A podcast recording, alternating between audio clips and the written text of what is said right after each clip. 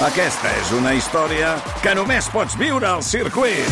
24, 25 i 26 de maig. Gran premi Monster Energy de MotoGP al circuit de Barcelona, Catalunya. Compra ja les teves entrades a circuit.cat. Viu-ho! Històries per explicar a l'hora de sopar. Història d'avui té com a protagonista un nen de 4 anys. Un nen de 4 anys que ara hem sabut que s'ha mort als 85 anys.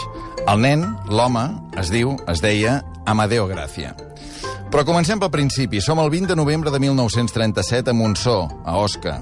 L'aviació italiana bombardeja el poble en plena guerra civil. Sonen les sirenes que avisen de l'atac imminent i una mare s'emporta corrent els seus tres fills cap al refugi antiaeri. No hi arribaran a temps. Una bomba els enganxa a mig camí. La mare es llença a terra per salvar la vida del seu fill petit, l'Amadeo, el protagonista de la nostra història d'avui. La mare, la Pilar, intenta protegir de les bombes el seu fill de dos anys cobrint-lo amb el seu propi cos. I, efectivament, li salva la vida. A l'Amadeo només, diem només, li hauran d'amputar el peu esquerre.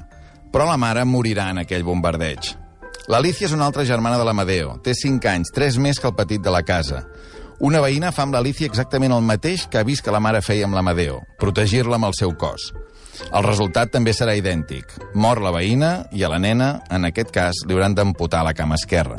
Només el germà gran, l'Antonio, que té 10 anys, s'escapa de les bombes franquistes sense ni una ferida, perquè la mare li ha demanat que tornés a casa a buscar un didal que ella havia oblidat. El pare, que treballa a la fàbrica de sucre del poble, veu com de cop i volta es queda sense la seva dona i amb dos dels tres fills ferits.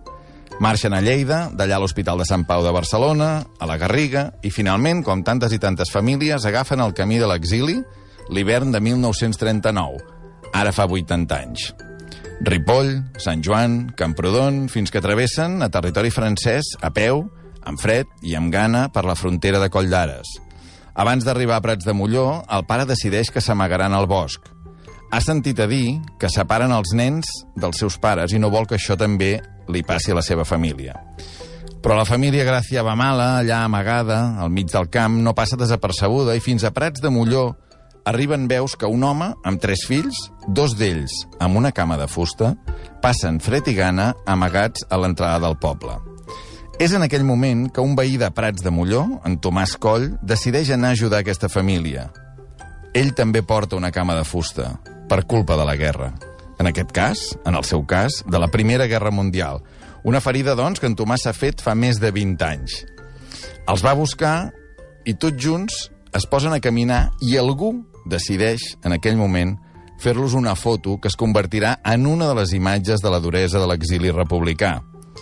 La tinc aquí a sobre la taula en blanc i negre. A davant, amb la boina i les mantes al coll, el pare, en Mariano li dona la mà a la seva filla Alicia, que camina amb una cama de fusta.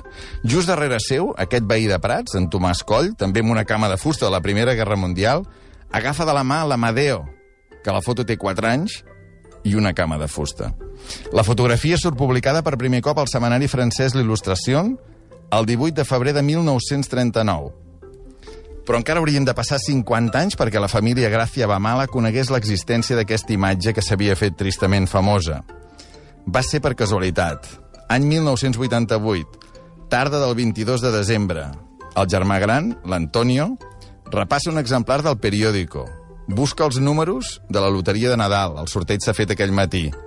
I buscant els números de la loteria de Nadal, troba en una altra pàgina una foto on es reconeix a ell, el seu pare i els germans aquell hivern de 1938 quan van haver de fugir a França.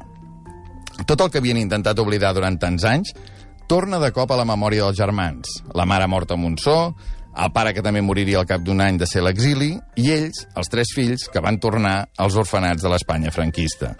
L'últim supervivent d'aquella fotografia era el nostre protagonista, l'Amadeo, aquell nen que tenia 4 anys i una cama de fusta i que ha mort fa unes setmanes a Alcalá de Henares. Els últims anys de la seva vida, l'Amadeu els dedica a reivindicar la memòria als centenars de milers de persones que van haver de travessar la frontera per culpa de la Guerra Civil. Queda, pel record de la història d'aquesta família, una estàtua a la Vajol, a la Catalunya Nord. S'hi veu el pare i la filla amb una cama de fusta caminant cap a Prats de Molló.